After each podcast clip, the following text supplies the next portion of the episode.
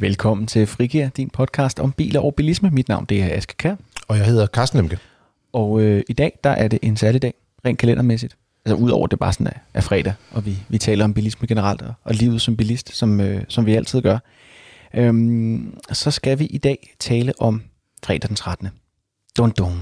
Men ikke filmen fredag den 13. Altså, det er ikke Nej. på den der Freddy Krueger-agtige måde. Det er, øh, det er et spørgsmål om, 13 er et uheldigt tal, og der er mange, der forbinder fredag og den 13. med, at det er sådan en ekstra uheldig dag. Jeg bliver simpelthen nødt til lige at sige, Carsten. Freddy Krueger, det er Nightmare on Elm Street. Du tænker på Jason Voorhees fra fredag den 13. Men lad, lad, nu, lad nu fred være med det.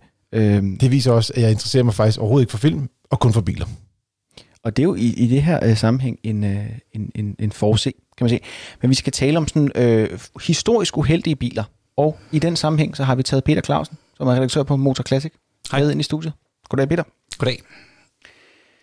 Og vi skal tale lidt om de her, øh, de her uheldige biler, der har været gennem historien, og så skal vi også snakke lidt om nogle af de spørgsmål, I har sendt ind til os. Vi skal snakke om, hvorfor øh, benzin egentlig er dyrere end diesel.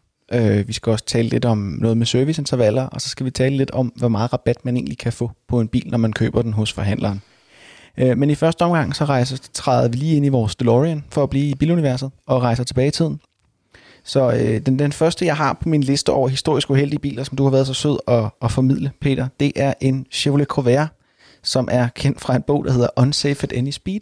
Det er en bog, jeg ikke har læst, men øh, hvorfor hedder den det?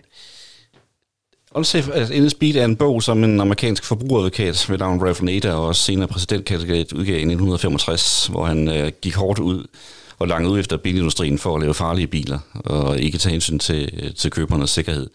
Og et af paradeeksemplerne, jeg tror faktisk, det var første kapitel og mest fyldte kapitel i bogen, det handlede om Chevrolet Corvair, som er en øh, uh, kompaktbil, som Chevrolet sendte på gaden i 1959 som konkurrent til Folkevogn og andre europæiske biler.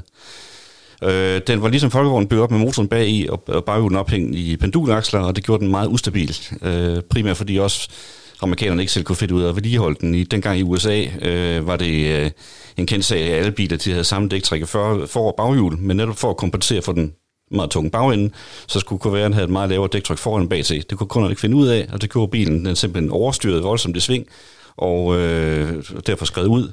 Og det øh, blev kun være af, at øh, producenterne havde undladt at sætte en kringestabilisator i, som kunne tæmme under vognen noget. Og det gjorde den ja, det er livsfarligt på skridgrænsen. Den, Un, den unsafe at any speed. Ja, simpelthen. Og, og for bare lige at trække det helt ned på et niveau, hvor jeg også kan være med. Det du siger, det er, at den slingrede rigtig meget. Ja, den mistede simpelthen baggrebet. Vejgrebet er skrevet ud med bagenden. Okay. Meget pludseligt, meget abrupt, så folk mister kontrollen over bilen. Peter, der er også noget med Trabant. Øh, du har også, altså, man kan sige, der findes jo mange biler gennem tiderne, som har været, skal man sige, uheldigt bygget, eller øh, har været måske endda også lidt farlige at køre i. Men øh, Trabanten, der er der noget med noget, en historie om kunstharpiks. Hvad er det for noget? Øh, der er to ting omkring Trabanten. Den, den fik jo meget kult, da muren faldt for 30 år siden, og meget sympati. Men bilen som sådan er ganske livsfarligt konstrueret. For det første, så sidder benzintanken, den sidder ude i motorrummet, hvor du næsten ikke kan undgå at spille benzin på den varme motor, når du, øh, når du tanker den. Det er ikke helt heldigt. Nej. Og samtidig så er karosseriet lavet af et øh, kunstharpix, et øh, temmelig giftigt øh, kunststof, som er meget brandfarligt. Så hvis du spiller benzin på bilen, øh, og der går ild i den benzin, du spiller på, motoren, på, på motoren der, der, så er du næsten sikker på, at bilen næsten eksploderer omkring dig. Jamen, det, øh, det var så unsafe at no speed i så fald. Ja. Ja, det, øh, det, det er faktisk det, det er i virkeligheden interessant, man vælger at lave sådan en double whammy, at, at, at, at dum i virkeligheden. Altså, det er, jo, det er jo to designbeslutninger, taget mere eller mindre uafhængigt af hinanden, som skaber den samme fælles eksplosiv brandfar. Jo, men altså Trabantes konstruktion, der går tilbage til 1950'erne, og dengang var der ikke den samme fokus på sikkerhed, som der kom senere. Altså, vi kan også lige så godt få slået fast med det samme. Næsten alle biler fra 50'erne, 60'erne og vis udstrækning også 70'erne, de er jo livsfarlige set med vores som målstok. Men øh, nogle er selvfølgelig værre end andre, og Trabanten er en af dem. Det er så ikke dem alle sammen, der selv antænder, mere eller mindre. Der er også en Jalta Øh, hvad, er, hvad er Jalta overhovedet for et mærke? Det var en, der, øh, der havde et, øh, et benzinfyr, som var noget værd lort. Øh, Jalta er en, øh, der er vi også øh, til over, over i den gamle Østblok, det er en sovjetisk bil fra 60'erne, som også kom til Danmark i et meget begrænset omfang. Den forsvandt hurtigt igen, det var der en grund til.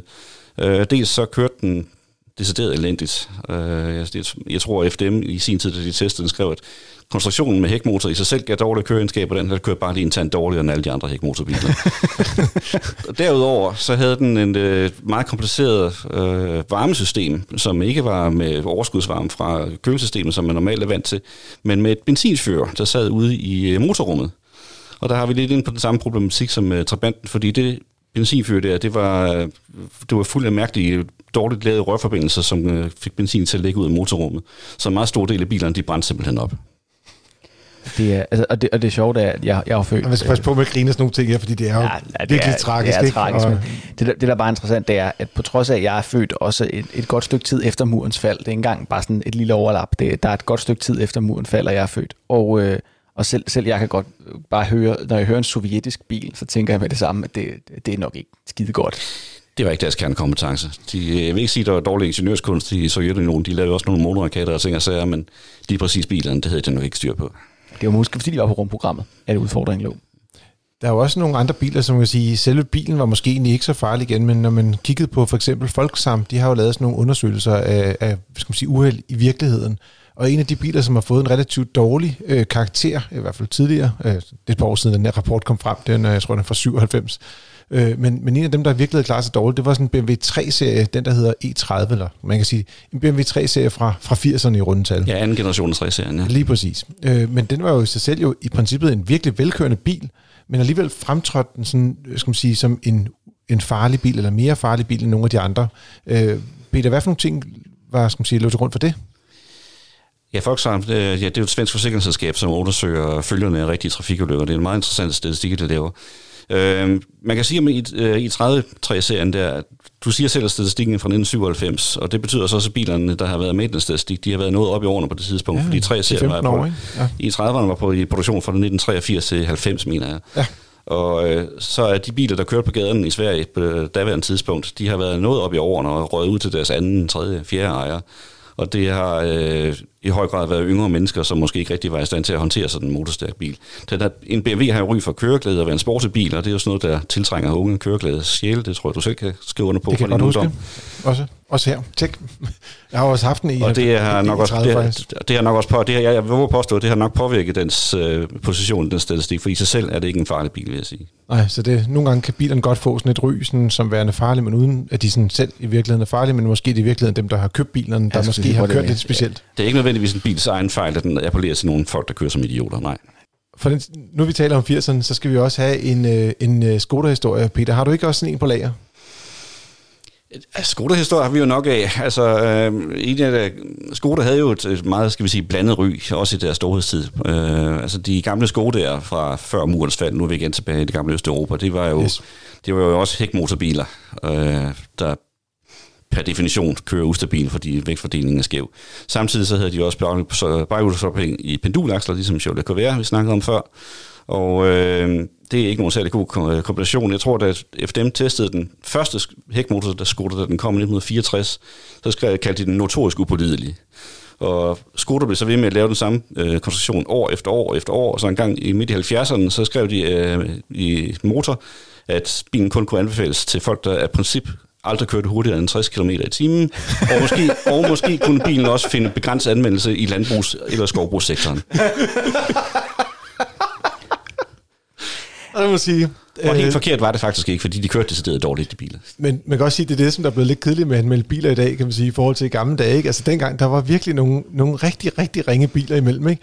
Og i dag, der kører de fleste biler jo faktisk ret godt, må jeg jo erkende. Selv ja. de dårlige biler kører faktisk ret der, godt. Og der må vi også lige komme ud og sige, at uh, Skoda i dag er jo en helt anden uh, kaliber, end, end det var dengang. Skoda lige laver præcis, nogle, lige præcis. nogle rigtig, rigtig gedine biler i dag. De har heller ikke rigtig hækmotorer og pendulaksler i deres modelprogram længere, må jeg sige. Det, det er også røget ud begge dele, faktisk. Det var, det var et kommunistisk islet, tror jeg. Man kan sige, der er også meget udstyr, som er kommet, apropos det du også sagde tidligere, Peter, øh, som er kommet ind i bilerne som standardudstyr. Øh, man kan sige, i forhold til sådan nogle ting, man lige kan kigge på øh, udstyrslisten, så er det sådan noget som sikkerhedsseler er kommet i, i hvert fald siden bilens barndom, og det kom til. Så har vi sådan nogle ting som ABS-bremser og ISC-systemer, eller det hedder også ESP, det er sådan noget antiudskridningssystemer, så hvis bilen begynder at skride lidt ud, så kan elektronikken hjælpe øh, bilen på ret kurs igen. Og så øh, er der jo selvfølgelig også øh, airbags, som øh, kan hjælpe en, hvis der man har et uheld. Og så er der også, talte du lidt tidligere omkring noget, der hed deformationszoner, da vi talte om det tidligere i dag? Ja, det har jo med selve karosseriets opbygning at gøre, og det er jo noget af det første, som der for alvor øh, begyndte at betyde noget for trafiksikkerheden i bilerne. Det er jo den konstruktion, som er, at der er en stabil kabine, som ikke deformeres, men front og hæk på bilen foldes sammen, når du kører ind i noget. Så virker det simpelthen som, som, som en stødpude. Det øh, begyndte så småt i 50'erne, det var Mercedes, der var pioner på det, mm. og i dag er alle biler jo opbygget på den måde, og det er også en teknologi, som løbende er blevet udviklet, og spiller fantastisk godt sammen med de ting, som du siger, som øh, airbags og sikkerhedsseler og selestrammer og så videre. Jamen, synes også nogle gange, man kan se, øh, at ja, det er både på YouTube, men øh, videoer og så lignende, øh, og så videre. Øh, der har vi jo set sådan nogle videoer, hvor det er, man tager sådan en, en gammel Volvo, der kører ind i en, en nyere Renault Modus for eksempel, mm. og man tænker, at den der gamle Volvo, det må virkelig være en god bil, men i virkeligheden er det faktisk den moderne konstruktion, som er den mest, øh, skal man sige, sikre øh, i sådan et sammenstød. Ikke? Ja, og det er også det godt. Du nævner selv den der kollisionstest, som et engelsk tv-program lavede med en øh, nyere Renault og en gammel Volvo. Ja. Den er et godt eksempel på, hvordan deformationszonens teknologien har udviklet sig. Fordi øh, i en moderne Renault, der, eller ja, alle moderne biler, der er der en tværgående vange, som øh, virker i helt deformationszonens bredde, mens Volvoen den, øh, har kun nogle to langsgående vanger, og, og Renault den rammer lige præcis ved siden af den vange der, så kollapser Volvoen fuldstændig. Præcis. Selvom Volvoen ellers er en sikker bil. Og det, og, det, og det er i virkeligheden, fordi når man, når man først ser et, et billede af en bil, der for eksempel er kørt galt, og man så ser altså en moderne bil, ikke, og den er krøllet fuldstændig sammen, så tænker man, gift mand, skal aldrig nogensinde sætte mig ind i sådan en dødsfælde der. Det man bare lige skal huske, det er, at bilen krøller sammen, fordi energien bliver brugt på at krølle bilen sammen, i stedet for at krølle dig sammen. Lige det er sådan præcis. den, den korte version af det. Ikke? Det er også derfor, man nogle gange kan se, hvis man ser uheld i motorsport, altså noget Formel 1 eller lignende, og, og bilerne bliver fuldstændig pillet fra hinanden, og man tænker, det var godt nok, altså for det første er det jo også typisk uheld med måske 200 km i timen, som er rimelig sindssyg, men, men de overlever, dem der sidder inde i den der lille, øh, skal man sige, klump af kulfiberrester, der er tilbage. Ikke? Og det er jo netop det her med, de har jo sådan en ekstrem form for, øh, skal man sige, sikkerhedszoner eller kollisionszoner, de har i deres biler. Lige præcis. Altså, altså med et andet eksempel er, hvis du kan tage en bil fra 1930'erne for eksempel, den er enormt stift opbygget, så hvis du baller ind i en mur med den med 50 km i timen, så vil den ikke tage nævneværdigt skade, men du kan være rimelig sikker på, at passagererne i den, selvom de har sikkerhedssæler på, vil blive slået fuldstændig til plukfest. Netop fordi der ikke er nogen deformationszone til at tage stødet. Og der, øh, det, det bringer os øh, pænt hen til, der kommer en del nyt udstyr, som man skal kigge efter i dag. Altså, der er en del udstyr, som er standard. Men øh, her fra vores side i FDM, der anbefaler vi, at man køber biler, som har automatisk nødbremse, eller ja. nødbremse, som det også kaldes. Det er helt klart noget udstyr, som er rigtig godt, og så også øh, adaptiv fartblod kan også hjælpe lidt på, øh, på skal man sige, på, at bilen kan bremse i nogle situationer, hvor man måske har været lidt for uopmærksom i trafikken. Og, og, og det er jo virkelig et sjovt skæld, fordi det er det, man nogle gange kommer ind og oplever, øh, at man hører folk tale om aktiv og passiv sikkerhed. Øh, og, og den sådan korte version, der er aktiv sikkerhed, det er ting, der stopper dig fra at køre ind i noget. Og passiv sikkerhed er ting, der øh, hjælper dig, hvis du baller ind i noget. Præcis. Når det er gået øh, galt, så ja. kan man sige, at det går mindre galt i virkeligheden. Og det vi begynder at se, det er, at vi begynder at se det her automatiske nødbremse, vi begynder at se det her adaptiv fartpilot, øh, vi ser også nogle gange de her kameraer, der sidder på bilen, som hjælper føreren med udsyn. Øhm, og, og det er alt sammen det, man kalder aktiv sikkerhed. Så hvis du hører det udtryk, så er det det, man mener. Og man kan sige, at kameraerne begynder at blive øh, rigtig interessante. Der kommer mange sådan noget blindvinkelalarmer, hvor det nogle gange, når man ligger og kører, er det svært at se ting i blindvinkler. Øh, og, og så er der også, øh, der kommer nogle alarmer for tværgående trafik. Og de er faktisk ret sjove, fordi det behøver ikke engang at være en blind vinkel. Det kan bare være, øh, hvis man holder ved en, ved en øh, en udkørsel, når man er i gang med at bakke, og der kommer en, øh, en cykel bagved en, så kan den faktisk opdage, at der er en cykel, på, der kommer på tværs bagved og bremse bilen ned, så man undgår at, at påkøre cyklisten. Men Peter, bare lige kort, du havde noget med, nu er du stadig her, du er, du er lidt vores ekspert på, på klassiske biler. Hvordan var det med udsynet i gamle dage? Hmm. Det er faktisk meget sjovt. Det er et af de steder, hvor bilerne er blevet markant ringere, end de var i gamle dage. Det er selvfølgelig også noget med sikkerheden at gøre med stabiliteten i karosseriet, at stolperne er blevet tykkere, men generelt er der også nogle modelun, der spiller ind øh, med, øh, med udformningen af karosserierne, som gør, at bilerne har meget små ruder og meget større blindevindel, end de havde i gamle dage. Bil som Chevrolet Corvair, som vi snakkede om tidligere, er faktisk en af de biler, jeg har kørt med allerbedst udsyn overhovedet.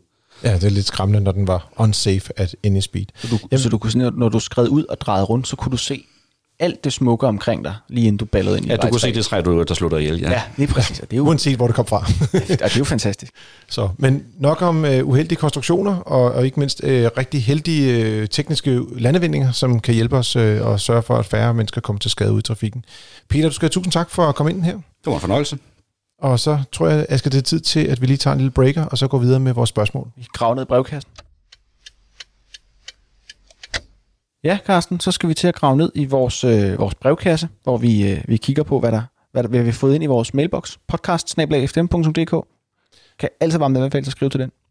Og Aske, hvad? Øh, vi har fået et par e-mails, som vi har taget med i dag, og den ene af dem er fra Rasmus Hansen. Hvad spørger han om? Ja, øh, Rasmus han spørger, øh, hvorfor er diesel så meget billigere end benzin?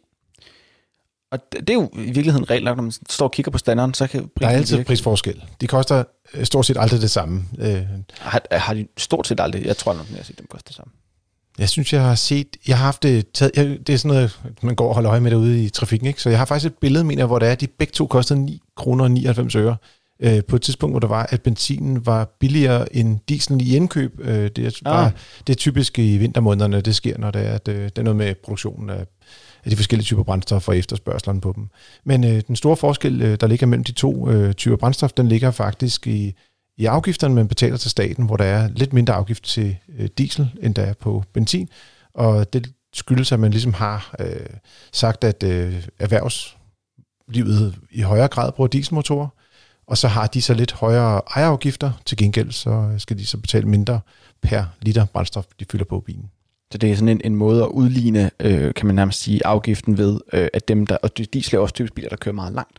Ja. Så det er også en måde at udligne på, at dem, der kører meget længere, ikke bliver afgiftsbebyrdet i helt samme omfang, som, øh, som, som dem, der kører benzinbiler, de gør, hvis de, de kører Ja, langt. og så kan du også sige, altså netop det der med erhvervschauffører i, i lidt højere grad bruger diesel, end, øh, end de kører. på- Der er ikke så mange lastbiler, der kører på benzin heldigvis, kan man sige, i forhold til CO2-regnskabet. Yes. Øh, en anden mail, vi har fået ind, det er øh, Victor, og han har skrevet ind om, at han har forudbestilt en Ford Kuga PHEV.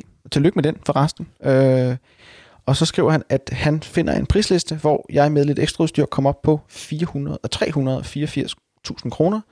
Øh, men han ender med at få 40.000 kroner i rabat og en elektrisk bagklap smidt oveni, da han er nede og snakke med forhandleren. Øhm, og så spørger han om, det kan passe, at Ford bare har skruet priserne op på hjemmesiden for at kunne overraske kunderne i butikken, eller om han bare har været heldig. Øh, han sagde, at rabatten skyldes, at jeg forudbestiller, og at de har nogle ekstra muligheder, så jeg får halv pris på stort set alt ekstra udstyret. Jamen, det kan være lidt forskelligt fra bilmærke til bilmærke. Jeg vil sige, generelt så på de større biler, eller lidt dyre biler som den her, så kan man godt gå ud og, og forhandle en rabat, der nærmer sig de 10% på, på listeprisen. Nogle gange går lidt over, nogle gange lidt under. Det er lidt afhængigt af, hvad for nogle kampagner, der kører.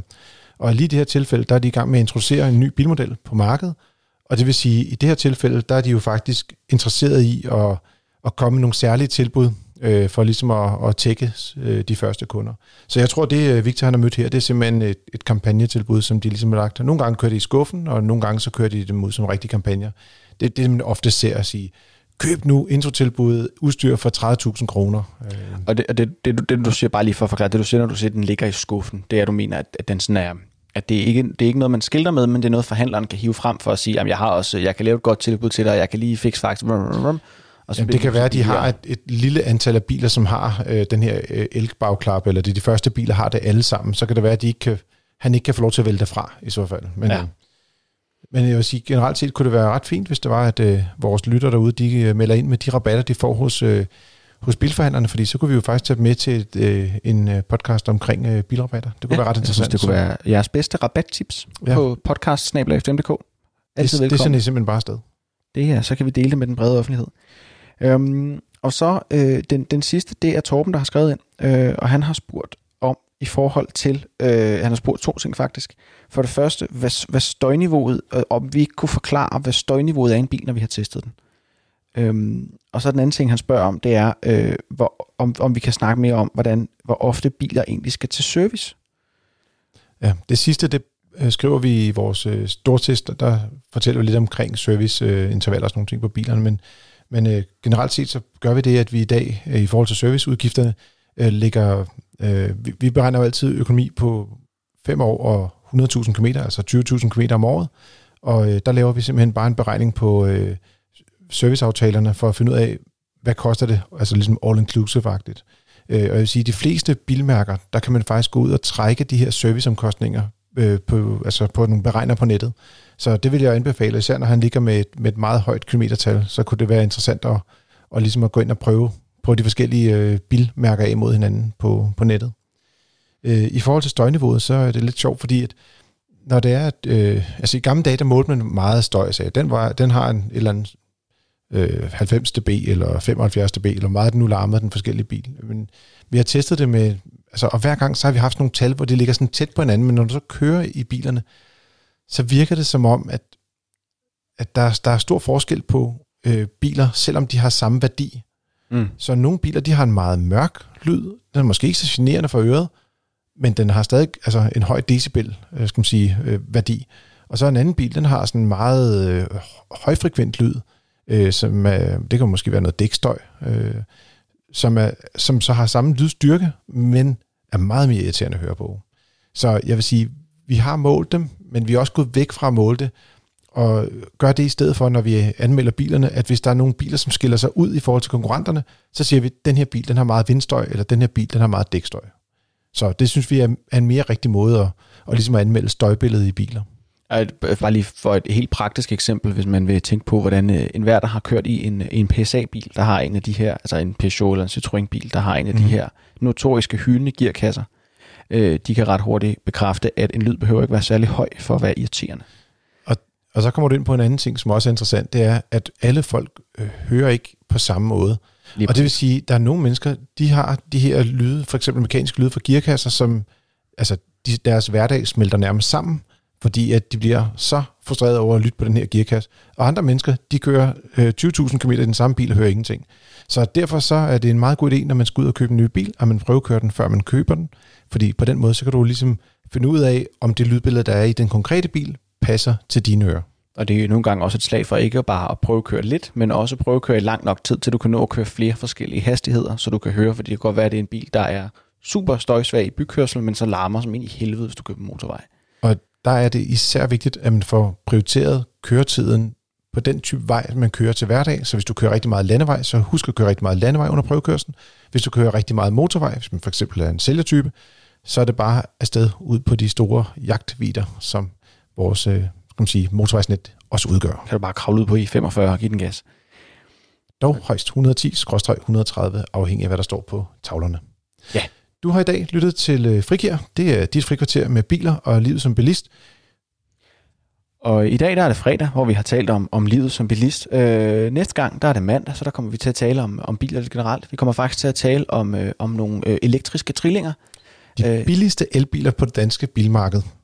Lige præcis. Og der er breaking news, kan vi allerede nu afsløre. Det er, det, vi har en mistanke om, at de bliver relativt populære. Ja, man kan sige, når jeg siger breaking news nu, så ligger testene allerede på fdm.dk, men vi kommer til at lave en breaking news alligevel ja. på mandag. Ingen, ingen spoilers. Du må til gengæld meget gerne anbefale os til dine venner, og ikke mindst gerne give os øh, fem stjerner i din podcast-app, og smide en anmeldelse vores vej. Ja, eller et andet antal stjerner, du finder, finder passende. Vi vil også gerne høre, hvis du øh, synes, at vi, gør noget, vi kunne gøre noget bedre, så vil vi også altid gerne høre om det. Altså, hvis det nu er, at de godt kunne tænke sig at give en stjerne, så vil jeg hellere have, at de skriver en e-mail på podcast.fdm.dk, og så sige, Asger Karsten, gør ikke lige sådan her.